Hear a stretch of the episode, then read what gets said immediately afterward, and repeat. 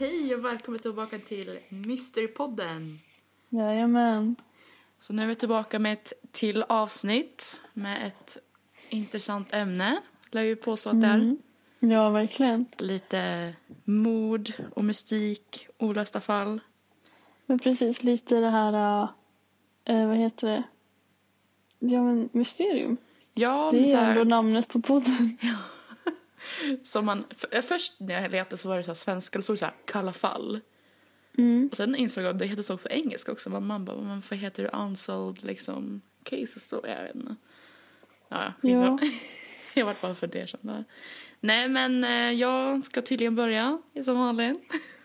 Ja, men det är ju för att du är så bra på det här. Jag är bra, jag typ improviserat, jag typ suger. Jag har typ dyslexi och bara hoppas inte säga för mycket fel. Ja, men du, jag läser också fel hela tiden. Ja, men det är ingen fara. Gör jag väl. Okej, innan vi bladdrar bort för mycket här. Eh, så ska jag prata om Isdalskvinnan. Jag vet inte om ni hade hört om det och du har hört om det, det vet jag inte. Men jag har inte hört om Jag hade det aldrig hört om det. Jag tyckte det var det mest konstigaste mordfallet jag har hört i alla fall. Var det Eller. Istorpskvinnan? Nej, Isdalskvinnan. Ja, Isdalskvinnan. Oj. Ja. Ja, det lät spännande. Nej, så vart börjar det bra? Jo, vi börjar med en pappa tillsammans med sina två döttrar. De vandrar ute i skogen eh, utanför bergen i Norge den 29, 29 november 97, eller, åh gud, 97, nej, 1970. Oj, ja. Och det här området då heter just Isdalen, så hon är ju döpt Ah, okej. efter området då.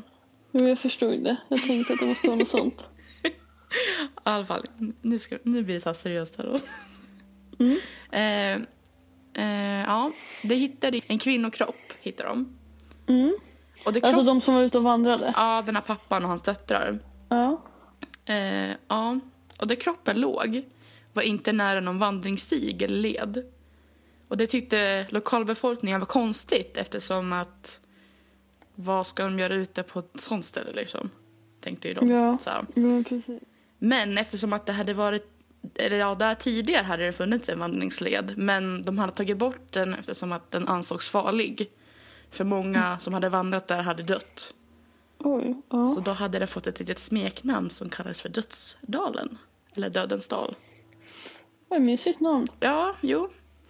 Eh, när jag sen tillbaka till eh, den döda kvinnan då. Mm. Så var hon svårt bränd i ansiktet. Men hon var påklädd fortfarande och hennes ägodelar var utspridda runt, runt omkring henne. Vilket Mm. tydde på att det var inte ett rånmord i alla fall. Nej. Eh, något som var konstigt var att ägodelarna eh, som hittades här var, runt henne var en klocka, en ring, ett, ett, ja, ett par örhängen. Mm. Eh, men hon bar dem inte på sig alltså, när hon dog. Inte hon, alltså örhängena var någonting hon inte hade haft på sig. Liksom. Nej, alltså varken klockan, ringen eller örhängena hade hon på sig. Utan det måste ha legat i en väska eller någonting. Ja, men de hittade ingen väska där hon var. Liksom. Oj, gud vad konstigt. Jag vet, det, det är jättemysko det här. Eh, men sen hittar man också rester av mat, en flaska likör och vid obduktionen så fann man alkohol i blodet vilket tyder på att hon hade druckit den där typ likören. Mm. Och eh, fenemal, ett, en sömntablett, medicin om man säger, Mm. eh, hittades i stora mängder i hennes magsäck. Eh, men tabletterna hade inte börjat verka innan hon dog. Och man hittade rök i hennes lungor vilket betyder att hon var fortfarande vid liv när hon ja, brändes. Nej men usch. Ja, eh, andra skador på kroppen hittades inte förutom ett blåmärke på halsen. Och det kan ha förekommit skador man inte kunnat se på grund av ja, den brännskada som hon hade då, på kroppen. Ja, jo, men precis. Eh, och man kunde inte direkt koppla fallet till någon som anfallit henne fast mycket tyder på att hon inte kunde gjort det själv. Alltså, det är så mycket så här, Ja, det känns konstigt att du skulle bränna sig själv. ja liksom. liksom i ansiktet. Alltså, jag vet, inte, det är så Ja. mycket skumt liksom. Eh, och sen på hennes kläder så såg man att märkeslapparna var borttagna. Eh, och på ägodelarna var eventuella ledtrådar bortslipade, till exempel som märken och sådana saker. Jaha. Till och med på plastflaskorna som det var spår av bensin i var till och med märket på dem också bortslipade. Så allt är liksom borttaget. Ja, alltså det är någon som har velat sudda bort sina spår kan man ju säga. Ja, eh, och ett pass hon hade på sig var också bränt så det kunde de inte heller identifiera henne med. Oj, så man, men har man kunnat identifiera henne efteråt? Nej, hon, ingen vet fortfarande vem hon är. Men gud. Det kommer mer. I, I just tell you. Ja, fortsätt. Eh, tre dagar senare, efter att ja, man hade hittat kroppen, så på bagageförvaringen i Ber- på Bergens centralstation så hittade man två resvä- resväskor som kunde kopplas till kvinnan. Eh, för, ja, för i de här resväskorna så fanns ett par solglasögon som fanns ett fingeravtryck på som kunde matchas med kvinnans. Mhm, ja. Så då kopplade man att ja, det var hennes då. Mm. Och innehållet i väskorna var vanliga saker som typ kvinnokläder, eller damkläder om man säger så. Eh, men också peruker, glasögon utan styrka, en kam, en borste utan märken på och pengar från både Norge och Tyskland. Oj. Och, eh, vad säger jag? Jo, och mynt från Belgien, Schweiz och Storbritannien. Vilket man senare eh, antrodde att hon har rest runt i typ Europa innan hon åkte till Norge. Ja. Och sen, det enda polisen kunde gå på var en plastpåse från en skobutik i eh, Stavanger, det är någon annan norsk stad. Mm. eh, och en anteckningsbok som innehöll en sida med text. Men texten kunde inte de koppla till riktigt eftersom det var typ så siffror och bokstäver så Mm. de visste inte riktigt vad det betydde. Nej. Men i alla fall, eh, hon köpte ett par gummistövlar från den där butiken som hon hade på sig där på plats. Ja. Så polisen åkte ju till den här skobutiken och frågade om de kunde liksom hitta någon information om kvinnan. Ehm, och sonen till ägaren till skobutiken kunde identifiera kvinnan och berätta lite hur hon såg ut. Att hon var brunhårig, hade svart, eller, jag säger att hon hade bruna ögon och sådär. Och då gjorde man liksom en... Ja, man sökte till området där i Stavanger. För man fick också reda på att när hon var i skobutiken så pratade hon på engelska med en brytning. Så då antog man att hon var en turist. Mm. Så då letade man på hotellen där. Ja. Och på ett hotell som hette Sant Svithun, jag vet inte. ja, någon norskt hotell i alla fall. Eh, fick de information att kvinnan hade varit där för en reception. Ja, en i receptionen och en städerska kunde identifiera kvinnan. Och de sa att hon hette Finella Lorch. Ja. Men nu trodde ju polisen att de hade hittat kvinnans identitet. Men det visade sig att det finns ingen belgisk kvinna med det namnet. Så det var Som en har falsk skickat- identitet då? Va? Så det var typ en falsk identitet eller Ja. påhittat? Ja, för det fanns ingen i det namnet som hade checkat in i bergen där hon hittades död. Oj. Så då gjorde polisen så att de ja, skickade information till alla hotell i Norge och, och frågade om de kunde liksom titta deras gästregister om en ensam kvinna eh, har typ checkat in ja, de senaste typ veckorna. Eftersom på 70-talet var det tydligen ovanligt att en ensam kvinna reste själv. Mhm, mm. Så då skulle det vara lättare liksom, att hitta en, en matchning. Liksom. Mm. Men också som jag läste att det var ganska smart att de gjorde det för att eh, på incheckningen så skriver gästerna själv sin information. Ja. Så då kunde de försöka matcha handstilen med det hon hade skrivit på sin, i, ansik- ja, i anteckningsboken. Mm. Men de hittade ingen matchning Oj. på den information de fick då. Nej. Men de fick i alla fall veta att kvinnan hade rest runt i Norge i flera veckors tid. Och under den tiden har hon använt olika namn och identiteter. Så mycket som sju stycken. Oj. Ja, så hon har ju verkligen gått runt där ja, som olika personer. Mm. Mm, ska vi se här då. Ja, så fick man vetskapen att hon måste ha haft olika fejkade pass eftersom som turist så måste man tydligen visa sitt pass när man checkade in i Norge på den tiden. Ja. Så ja. Och sen vittnen också eh, har vittnat om att kvinnan prat- pratade både flamländska, tyska, franska och kommunicerade med engelska. Oj. Ja, Många språk. ja det vet jag många språk. Eh, mer information, vittnesmålen hittades inte. I alla fall inget som man kunde liksom gå vidare på. Nej. En annan ledtråd som de hittade var hennes tänder. Hon har lagningar med så här guldkrona. Men guldkrona? Ja, det är så här lagning på tänder liksom. Ja. Eh, vilket måste ha gjorts i södra Europa eller centrala Europa. Eller möjligtvis i Asien. Oj. Ja, sådana var det en del. Men eh, senast, eller säger jag, senare saktas utredningen och polismästaren Asbjörn Bryn gör ett uttalande att kvinnan verkar ha trott att hon blivit efterföljd och till sist tagit liv av sig. Så då säger de att ja, hon har begått självmord liksom. Mm. Men det finns teorier om att kvinnan var en spion. Eh, och, eller att hon stakade sin ex. Eller då polisens teori att hon var manisk och trodde att hon var... Ja, att det var någon som följde efter henne till sist så hon tog liv av sig. Men Fast jag menar, hon behöver inte vara manisk bara för att hon tror att någon följer efter henne. Det kanske var någon som följde efter henne. jag vet, men det var ju i alla fall poli- polisens teori. Jag menar, varför annars skulle hon ha olika identiteter? Jag vet, det allt är jättemysko liksom. Ja, verkligen.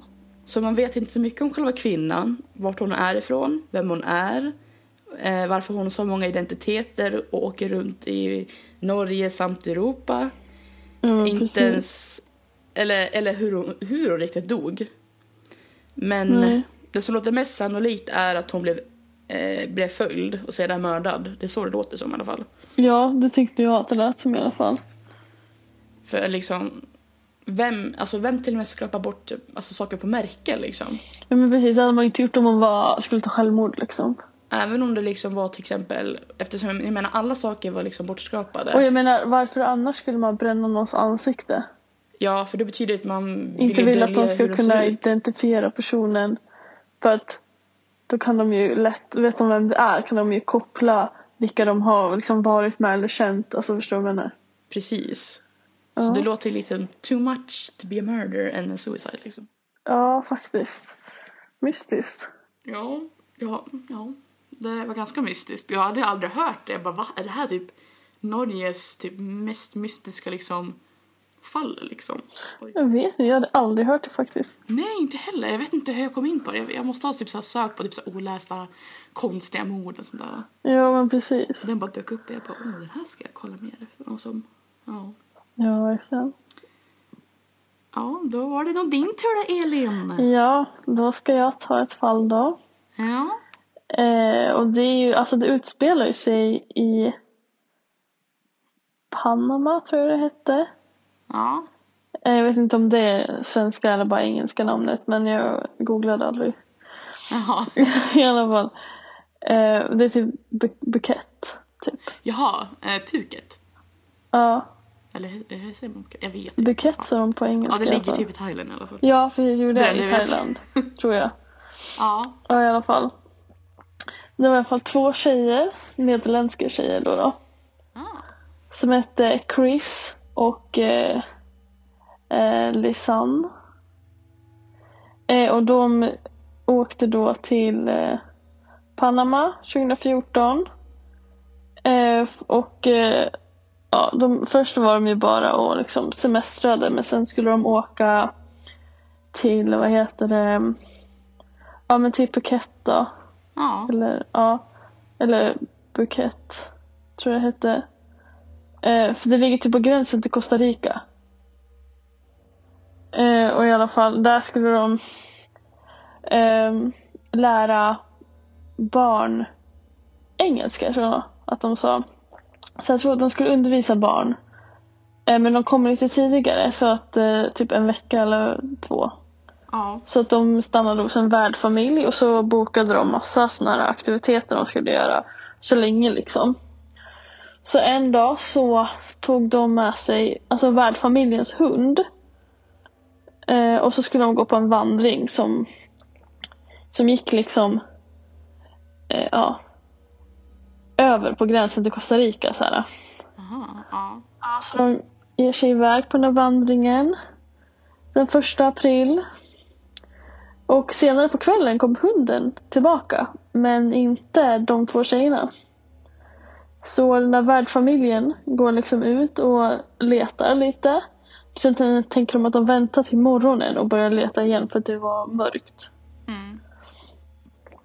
Eh, Så då, vad heter det, så sen på morgonen så missar de här tjejerna liksom ett besök på, vad heter det, en av deras bokade aktiviteter. Ja. Och då kontaktar värdfamiljen polisen. Och det är också så här att den här första april, då slutar också deras familjer i Holland, eller Nederländerna, att få sms från dem. Och de har liksom smsat ganska regelbundet under semesterns gång. Till sina familjer. Eh, Så då börjar liksom Eh, Så 2 april då så kontaktar de polisen. Och polisen söker igenom området med bland annat typ helikopter och andra medel. De gör så här verkligen en sökning. Men de hittar ingenting. Eh, Folk som bodde i närheten hjälpte också till att leta, så han var ute i skogen och letade. Eh, Och den 6 april så kom det eh, deras familjer och poliser från Nederländerna för att söka. Och de sökte i tio dagar. Men de hittade inte heller någonting. Sen efter att alltså, poliser har aktivt sökt då, i tio veckor utan någon framgång så började de minska på sökandet. Tills att en kvinna som bodde i en by eh, som låg en bit bort efter den här leden, alltså ganska långt bort Ja.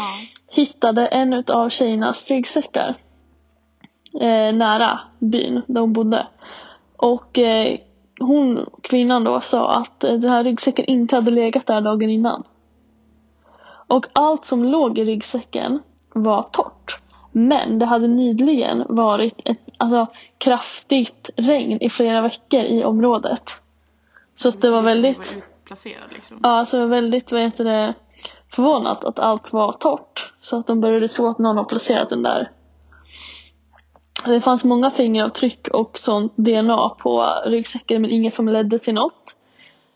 Men i ryggsäcken hittade de en kamera och deras mobiler och eh, ja, men, typ solglasögon, en vattenflaska och typ nå- lite cash typ. Och ehm,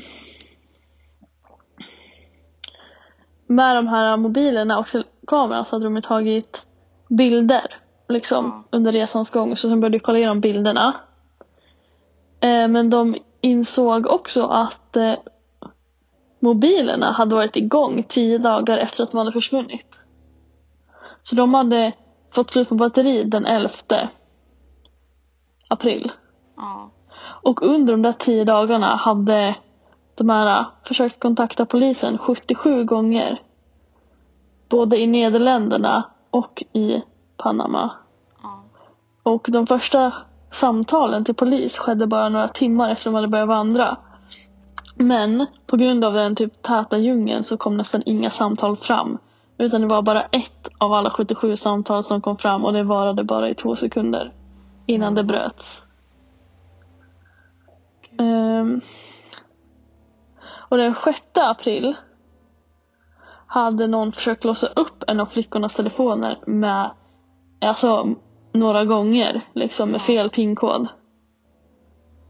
Ja. Och de hade tagit över 100 bilder under den här vandringen då. Ja. Och i början så visade det så var det så här glada selfies och liksom sådana bilder. Sen var det många bilder på en av flickorna när den gick framför den andra flickan då. För att det var en av flickornas kamera. Och eh, någonting som också är ganska mystiskt med det här är att en bild är raderad. Ja, en bild är raderad. Vänta. Alltså de, man kunde ju se lite utefter bilderna vart de hade kommit. Så de såg att de hade kommit över eh, till slutet på en vandring och sen är det typ en skylt att man inte riktigt ska fortsätta men de hade ju fortsatt typ. Um, för att, ja jag vet inte, för det går över till, and- till gränsen då till Costa Rica. Fattade jag det som. Um, och att det då efter, alltså en bit bort kan finnas ganska många små så här stigar. Alltså det är ju en stor vandringsstig men det är ju många, några små som används av eh, ja, men folk som bor i byar runt om i skogen då. Ja. Ehm, För den här vad heter det, ryggsäcken hittades ju 12 timmar bort från typ platsen där de senast tog en bild. Så att det var ändå alltså med fot typ. Den nederländska polisen har försökt få tillbaka den där raderade bilden men inte lyckats. Och det är ju vanligtvis alltså ganska lätt om man bara raderat bilden manuellt ifrån kameran. Ja, verkligen. Så att de tror att det är någon som har kopplat in kameran i datorn och raderat hela filen med bilden. Ja. Och den här bilden är en bild som är emellan de här glada dagsbilderna. Och sen bilderna som kommer efter är bilder tagna med, med blixt på natten den 8 april tror jag. Um, det är liksom ganska många bilder som är liksom tagna med blixt när man ser djungel och liksom regn och sånt. Men på en utav bilderna ser man en utav de här tjejernas bakhuvud och att det rinner blod. Och de här bilderna var tagna mellan ett och fyra på natten. Och de är då tagna sex dagar efter att de anmälts försvunna. Och en bild visar en pinne med vad som ser ut att vara två röda plastpåsar fastknutna på den. Ehm, och de här röda plastpåsarna ser då ut som plastpåsar som de har tagit bild på tidigare som varit i deras rum. Så de har haft packning i. Så det ser ut som liknande plastpåsar. Efter att de hittade den här väskan då med kameran och telefonerna så började de leta på nytt. Och då hittade de en av flickornas jeansshorts på en sten några kilometer ifrån där ryggsäcken hittades. Ja. Och det som var lite konstigt var att shortsen var både alltså ihopknäppta och liksom fint vikta och låg på en sten. Va? Ja, jättekonstigt. Verkligen. Ehm, och två månader senare, nära där de hittade den här ryggsäcken, hittade de en vandringssko med en fot i. Tillsammans med en del av ett bäcken. Åh. Och efter DNA-tester visade det sig att bäckenet tillhörde Chris och foten tillhörde Lisanne. Mm. Eh, hur de dog har aldrig fastställts. Lokalinvånare säger att flickorna, eller de då, då Mm. har fallit av en bro och spolats iväg. Men det var två personer som gjorde en dokumentär som då går den här samma vandringen som flickorna gjorde vid samma tid på året och samma tid på dagen så för att titta vad de, så här, hur de gick och hur det var liksom. Och de säger att det är väldigt svårt att gå vilse då är det en enkel väg. Det är liksom... Och sen har även Chris föräldrar varit och vandrat på samma ställe. Och hennes mamma säger också att eh, man hade behövt försöka ordentligt för att kunna gå vilse och de menade också på att det var konstigt att flickorna inte tog fler bilder efter den här sista platsen. För att det var liksom lite längre bort så var det ett till så här ställe som var väldigt fint och själva slutplatsen var också väldigt fint så de menade att de kom nog inte ända dit. Nej. För de tyckte det var konstigt att och mamman sa också att de menade på att de, hon tror inte att flickorna skulle gå av själva spåret. Även om de hade gjort sig illa så tror hon att de hade stannat där och då liksom fått hjälp. Så att det måste ha hänt någonting menar de. Men ja, det har fortfarande inte fastställts hur de eh, dog. Eller ja, de antar att de är döda. De fatt, det fattas ju genom ett bäcken och en fot liksom. Ja. Men inget mer har hittats liksom. Gud. Ja, och det här var ändå 2014, det var inte så länge sedan. Nej, gud nej. Nej, det är ju bara, vad är det? Sju år typ. Ja. Nu i vår. Ja, de åkte i, ja precis nu i vår blir det sju år sedan. Fan. Mm. Så det var, ja, jag tyckte det var väldigt så här. Ja men liksom det var så mycket så här, vad, vad kan ha hänt liksom? Och just de här, all den här bilden är borta, men undrar liksom bara vad var på bilden? Ja, det, låter, alltså det, det låter ju verkligen som att det är ju någon bakom liksom, deras Men försvinnande. det låter ju verkligen som att, som att de har stött på någon där. ja, som är emellan mellan, som liksom har gjort någonting emot dem. Alltså att det har hänt. De har stött på någon, de kanske har liksom börjat bli förföljda av någon. Eller någonting. Och därför har de börjat ringa polisen. Ja. Och sen liksom att de där bilderna kanske, när för det var mycket blixtbilder ut mot skogen, att de kanske försöker se om det är någon där. Tänkte jag. Ja, för det, kan, det låter lite som att... alltså Det första jag tänkte på när du sa att den här mittenbilden var typ raderad. Ja. Då Det är tänkte att den jag... personen är med på bild. Ja, det var det enda jag Det tänkte. var jag tänkte liksom. jag också. Att så här, de har försökt liksom att det är en bild där den är med på bild och det är den bilden de har tagit bort. Ja. Det är som att ja, men den här bilden kan inte vara med för den, den kan ident- identifieras och kopplas till mig liksom. Det precis man Låter ser så. den personen så i bakgrunden på en bild och sen att den har liksom så smugit vidare. Typ. Typ. Usch, alltså usch. Såna, det är såna läskiga liksom så här. Det är såna historier man inte känner att man vill liksom gå på någon vandringsled i Jag vet och liksom. ändå är jag så här, alltså du vet jag pratade ju om att så här, ja, jag vill åka till Norge och vandra så här. Sen så hörde jag den här och bara Ja fast vill jag vandra? Vill jag sova i tält efter en bilväg i Norge? Alltså förstår du vad jag menar? Fast det här inte var i Norge. Men alltså förstår du vad jag menar? Det blir, din var ju i Norge och man blir så här, Ja, fan. vandringsledaren också. Men så känner jag så här, man kanske ska sova i bilen så man kan låsa liksom. Ja, det är fan. Alltså, nej, man, man blir verkligen lite så här, man blir så här mörkrädd. Ja men alltså man blir paranoid, alltså man blir rädd för att det ska hända någonting. Ja, man blir så här, eller, alltså man, man blir så här 100%. Man har läst så mycket som man tänker hela tiden, det här kan hända mig. Ja precis, för de tänkte väl aldrig att det där skulle hända dem liksom. Nej, men vem, vem, alltså, Ingen en normal tänker människa det. går inte, går inte rädd hela tiden och bara, idag kanske jag blir mördad liksom. Nej men precis. Ja, Kanske det man ska tänka. ja men typ, så kommer man ju aldrig leva ett Jag liv vet, liksom. men man vill ju inte heller dö mördad liksom. Nej gud nej, fast nej verkligen inte. Det var second thoughts. Nej. Det var fasta sådär, jag tror inte det, jag ångrar mig. Ah, nej för fan. nej usch. Det är så tragiskt. Ja, verkligen. Alltså, hur, hur gamla var de ens? När De liksom, var 21 och 22. Gud, det är typ i vår ålder. Ja, de var i vår ålder. De hade precis, alltså en utav, de, hade, de pluggade ju på eh, typ college och de hade typ Ja. jobbat tillsammans så de hade bott på samma typ studentboende i Amsterdam. Nej. Så de hade ju åkt till den där resan för att fira att en utav dem hade tagit examen. Nej.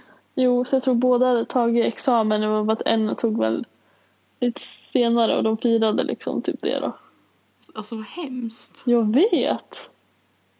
Tänkte att de ledde livet, hade säkert så här jättefina framtidsplaner och så Ja bara, men verkligen. Shop, shop.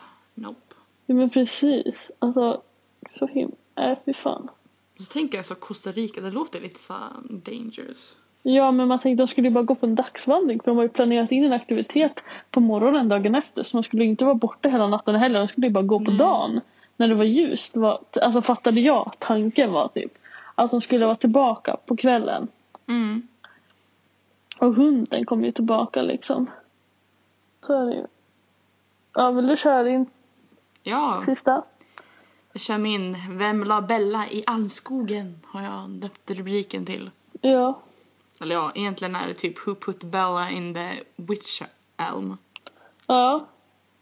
Eh, men ja. Mm. Eh, den 18 april 1943 i Hagley, England var fyra tonårspojkar i Hagleyskogen, den heter så tydligen, Ja. för att leta efter ägg uppe i fågel, äh, fågelbona i träden. Aha, Jag kan, ja. också på, jag kan också säga också att det här var under andra världskriget så att eh, antagligen gick de här pojkarna för att leta efter ägg för att de var lite, jag vet inte, hungriga. Det var väl Ja matkuponger och fatt, alltså, inte fattigdom kanske direkt men Nej men dåligt med mat liksom. Ja jag förstår. Eh, så en av pojkarna klättrade upp i ett gammal, eh, ja, i en gammal skogsalm Ja. i hoppet då om att hitta ett fågelbo och hitta, för att hitta ägg då. Ja. Eh, men han hittade inte ett ägg kan jag säga. Nej vad hittade han Han då? hittade, han hittade ett kranium. Alltså ett eh, huvud liksom. Ja, alltså, Alltså man skelettet om, man, liksom. om man ska säga lite så här barnsligt bildligt, en dödskalle. Ja men precis. Alltså själva skelettet av ett huvud liksom. Ja, ett, ett kranium. Men gud. Eh, ja. Men han trodde först att det tillhörde en, ett djur. Ja. För, För den var ju liksom lite långt ner i det här hålet så han såg ju liksom inte hela liksom. Nej, jag förstår. Eh, men efter liksom att iakttagit det så insåg han sen att den tillhörde en människa. Och eh, han och resten av de här pojkarna, killarna man säger, blev ju såklart livrädda. Och dog därifrån. Eh, och sen lovade de varandra att de inte skulle säga det här till någon, det var liksom deras hemlighet. Eh, men den yngsta i gruppen berättade dock det här för sin pappa och han larmade polisen. Ja. Eh, och polisen, ja, de åkte till platsen och så fann de det där hålet i trädet. Och det visade sig vara 43 centimeter i diameter, alltså. Så det var Oj. ganska stort Ja. hål ändå. Ja. Ehm, och där i hålet han, fann man rester av, rester av skelettet också då. Men oj. Eh, och en sak som de också hittade på platsen där var att eh, det var ben, om man säger benbitar eller delar av, men alltså, om, om, alltså handen, alltså ben, benen i handen Ja. Låg liksom utspridda runt själva trästammen. Oj. Så polisens teori var ju att något djur hade säkert spritt ut de här benen. Spritt ut dem ja. Ja, det var deras första teori då. Eh, och på hennes skalle då Ja. fanns det kvar ruttna muskelvä- alltså muskelvävnad och lite hår. Uh, obehagligt. Jag, hade så här, jag såg bilder, det finns bilder att se så jag tänkte så här, Ja, det finns ju bilder från eh, min historia också. Tänker vi lägga upp det på Instagram? åh gud, kommer, kommer Instagram och bara, vad är det här? Ja. Eh, usch. Ja, nej okej, jag ska fortsätta nu då. Mm. Eh, en, rä- en rättsläkare kunde se att det var en kvinna. Eh, och hon åtminstone var mellan 25 och 40 men de tror att hon var med typ 35 för det kom de ut med så att hon var 35 när hon dog. Ja. Eh, hon hade ingen tecken på sjukdom eller tecken på våld. Eftersom att hon var så, alltså visst hon kanske skulle kanske haft ett blåmärke eller någonting men det kunde de inte ha sett. Eftersom att det var ju liksom bara ben. Ja. Eh, och en bit taft, jag visste inte vad det var men det är tydligen ett silkesliknande tyg. Eh, var instoppat i munnen så man konstaterade att hon hade, eh, eller ja man hade en teori om att hon hade kvävts till döds då med det där då. Eh, och man kunde konstatera att hon hade varit död åtminstone 18 månader. I ungefär. 18 månader. Oj. Alltså ett, ett och ett halvt år liksom. Jo, jag vet. Men shit vad länge. Eh, och då spekulerar man om att hon måste ha kvävts då. Eh, som jag sa tidigare. tidigare. Eh, och man har hittat delar av hennes kläder vilket man har senare kunnat en sorts fantombild över hur kvinnan såg ut. Eh, och inklusive, inklusive kläderna. För man kunde se färgen och sen typ mappa ihop någon slags ja, kläder hon senast bar när hon var vid liv då. Ja. Eh, för att försöka hitta och eh, få någon att känna igen henne. Men det visade sig att ingen gjorde. Eh, dessutom hittade man också en, vix, en vigselring på platsen. Men ja, man kunde tydligen inte heller koppla det till någon. Jag har, bara, jag har bara kvinnor här som ingen hittar vem det är, men ja. Eh, Den information jag hade fått av kvinnan var att hon var brun, ja, ljushårig brunett, eh, 1,60 och det hon hade på sig då. Mm. En teori man först eh, trodde var att kvinnan hade tagit liv av sig på grund av storleken i hål, eller av hålet i träet. Men eh, tanken på att, att den var för trång och svår uteslutade att hon inte hamnat där på egen hand. Mm. Eh, Utan någon har liksom lagt den där liksom. Eh, ja, för de, ja, de tänkte väl att det, det var svårt liksom att själv liksom komma ner i det där hålet alltså, utan till exempel en stege eller någonting för då hade liksom det varit kvar. Liksom. Ja, jag förstår. Eh, ja, men i alla fall. Eh, efter efterlysningen på kvinnans identitet så hörde många av sig men ingen matchning gjordes så kvinnan blev ett så kallat kallt fall. Mm. Men mars 1944, drygt ett år efter pojkarna hade hittat kvinnan, kom den första graffitin upp. Graffiti? Ja, graffiti. Någon hade skrivit med en kalkkrita Vem la Bella i, i skogsalmen i Hagley? Eh, och det var skrivet i grannstaden Bringingham som låg, ja, ligger utanför, eller ja, en bit ifrån den här Hagley då. Ja. Eh, men också tidigare i Hagley hade någon också skrivit Vem la Bella i skogsalmen? På ett vandaliserat hus ja, i staden då. Och Ja. polisen jämförde båd, eh, ja, de båda texterna och insåg att handstilen var densamma.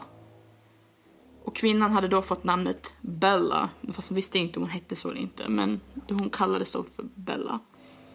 Eh, I augusti samma år då, dök två nya graffiten upp i två andra städer med liknande innehåll och samma handstil. Men inget ledde till fallet, alltså mer. Alltså det var ingen mer information de hade skrivit liksom. Nej.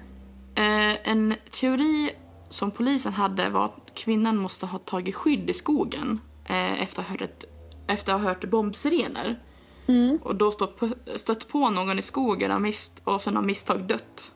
Sen blev instoppad i trädet. Men sen tror man också att, eh, att någon familj i så fall skulle inte sökt efter henne för de skulle ha trott att hon hade dött i det här bombnedslaget. Eh, men den teorin kan inte förklara varför hon stoppades in i trädet. Alltså, jag, jag, jag, jag tyckte det var en teori man kan få ta upp. Ja. En, an, en annan teori är att kvinnan ska ha varit en häxa. Eh, eller så kallade hedningar eller djävulsdyrkare ska ha offrat henne. Va? Lite så här, ja, men, ja, jag vet inte. Det finns massa teorier om det. Det är många som har typ sagt typ det, att de tror på det. där. Eh, ytterligare en teori är att hon var inte brittisk utan en utlänning. Möjligtvis en agent eller spion. För nu kommer här lite mycket information om just den här teorin. Mm. Eh, För i november 1953 fick Wolverhamptons ny- nyhetstidning ett brev vars kändares eh, ja, menade att hon visste vem kvinna, kvinnan var och vem som hade mördat henne. Nu ska jag läsa lite vad det stod i brevet då. Mm. Så hon skrev så här. Ni kommer aldrig lösa mysteriet. Den som kunde ge svaret är bortom det jordliga livet. Tidigare teorier om häxor, svart magi och månskensritualer är uteslutet. Den person som bär ansvaret blev galen 1942. Offret var holländska och, eh, och kom till England illegalt. Oj.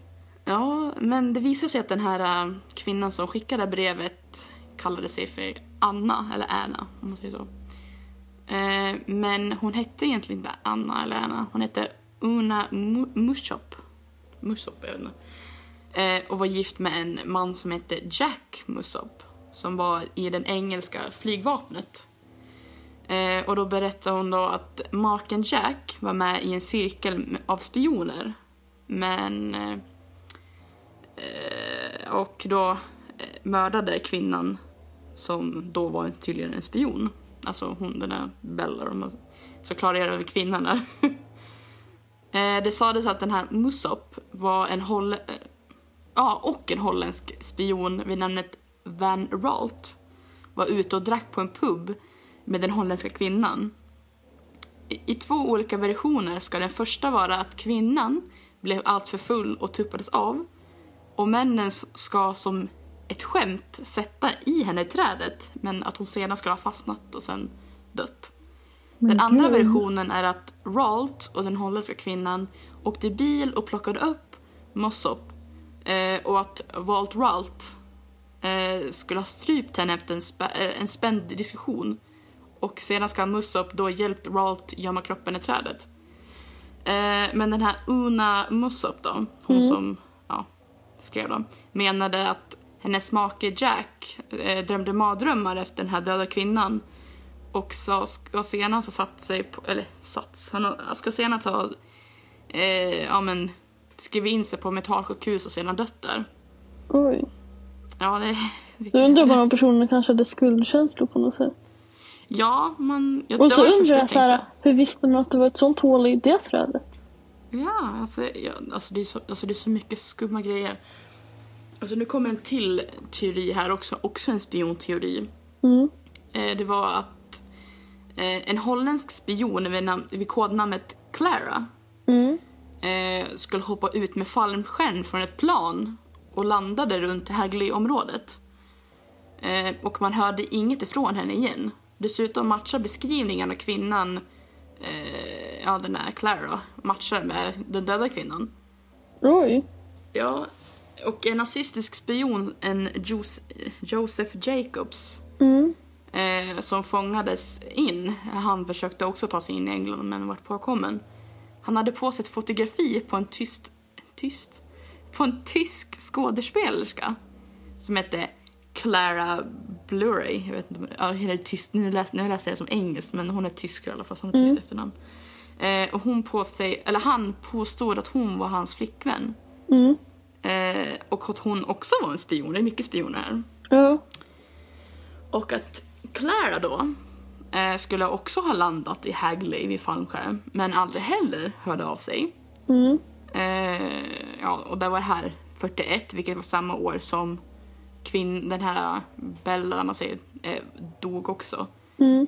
Men Clara eh, kan inte ha varit Bella eh, som hittades i trädet eftersom att Clara var tydligen fem centimeter längre och det finns en journal eh, om att Clara dog på ett sjukhus i Berlin 1942. Så Jaha. den teorin uteslutas också. Okej. Men det här, det här tyckte jag var också jätte, jättekonstigt. Vadå? Det här är det sista jag ska berätta bara. Eh, att kvarlevorna efter Bella, alltså kvinnan som hittades i trädet, Mm. är försvunna idag. Och så är de inte kvar i trädet? Nej, de, tog- de, tog- självklart tog de ju reda på det och undersökte och så. Mm. Men de är Men- inte kvar någonstans nu? Nej, de är helt borta! Men är det någon som har liksom gjort sig av dem eller har de bara tappat bort dem? Jag vet inte, alltså. Ingen vet var de är. Alltså, om de är borttappade, någon har tagit dem, ingen vet. Va? Så ingen vet heller vem som mördade henne, vem hon egentligen var. Och vem som har tagit kvarlevorna? Precis. Och då undrar man ju så här. Finns de kvar någonstans? Alltså ute här? Att någon har tagit, alltså du vet, typ tagit hem dem, om man förstår vad jag menar. Ja, för man Grävt ner dem, bränt upp dem. Eller Ja, vad har hänt att- med dem? Ja, för jag tänker så här, det vart ju ändå ett så kallat, så kallat alltså, kallt fall, ett olöst mord. Mm. Så det betyder ju att hennes kvarlevor ska ju egentligen arkiveras. Eh, eller ja, det är fortfarande räknas som... eh, öppet räknas det ju fortfarande eftersom att man kan inte avsluta det. Nej men precis, och då får man ju inte ta bort bevismaterial tänker jag. Nej, exakt. Så det tänker jag så här, det låter ju... Alltså, på samma sätt det låter lite töntigt att tänka att hon var en spion så låter det lite typ så här... Inte omöjligt eftersom att någon har ju tagit liksom hennes kropp. Så Ja. ingen kan ju liksom göra en DNA-matchning överhuvudtaget på henne. Nej, och man undrar ju liksom så här. Är det någon som har liksom just jobbat med inom typ polisen som har liksom tagit bort det? Eller är det Ingen aning. liksom någon annan utomstående typ? Och vem och liksom hur? Bra fråga. Jag vet ju liksom inte heller. Jag hittade ingen information när de försvann men Nej. det lär ju vara någon gång runt efter 50-talet. Så Ja, det man. skulle väl. kunna lika med vara någon gammal spiongrej som har varit och bara knyckt dem. Eller så var det polisen som bara ups, vi råkade tappa bort dem. Mm, precis. No one knows. Men man vet ju inte vad som har hänt. Nej. Mm. Ja. I alla fall fallet håller sig öppet. Ja, Olöst. Spännande. Ja. Har du någonting annat att tillägga? Nej, ingenting faktiskt. Nej. Men det, du hade ju spiontema på dina fall. Jag märkte det. Då var det så här, eller oidentifierbara kvinnor. Var spioner. Alltså, jag, jag kände så här, vad är det med folk och tro att alla är spioner? Men jag tänker att dina var ju ändå från typ, Ja, men 70-talet, inte fan, vem spionerade då? Liksom? nej men jag tänker just 50, 40-50-tal kan jag tro att folk, fattar jag att folk Ja. trodde det. Sen 70-talet, ja, jag vet inte, alltså det var väl bara en teori tänker jag. Men jag fattar att när kriget håller på att man kan lätt tro att det är spioner. Ja, Det Ja, fattar jag, för det var säkert vanligt förekommande också. Ja för eh, det, alltså, det, kändes, det kändes som att jag tog alldeles för mycket om spiongrejerna men ett tillägg om man skulle säga då, där jag, jag läste också om att eh, en av de här, de var ju för fan båda, två som hette Clara liksom, eller ett var kodnamn och ett var riktigt namn. Eh, någon av dem, anledningen att hon skulle eh, hoppa ut genom fallskärm eh, var för att hitta så bombställen för nazists, liksom, eh, nazisterna liksom. Mm. För liksom, ja men, ja. Nej, jag vet inte liksom. Alltså det är så konstigt. Ja. Men eh, det blir ju ett spännande avslut på det här avsnittet. Är det, är det olöst. Ja men precis. Får, får man fundera själv om man tror har hänt liksom. Ja men, eller hur? Ja. Det får man ju nästan göra med alla de här fallen för det är ju inget riktigt som är löst. Nej, det enda jag kan konstatera med ditt fall det är ju att Vilka som blev mördade. De, de blev ju garanterat mördade liksom. Alltså det, Ja, om man hittar en avhuggen fot i en sko och en bit av ett bäcken så är det ju ganska så sannolikt att de dött. ja och sen de här shortsen också. Alltså, det, det, det, alltså, ah, det är så mycket som tyder Ja, och den på... här torra ryggsäcken. Ja, Och just att han, den här personen då, som kanske har lämnat tillbaka ryggsäcken, har ändå raderat en bild. ja, det är ganska suspicious. Mm, verkligen. Ganska misstänksamt, skulle jag säga. Men ska vi tacka för det här avsnittet?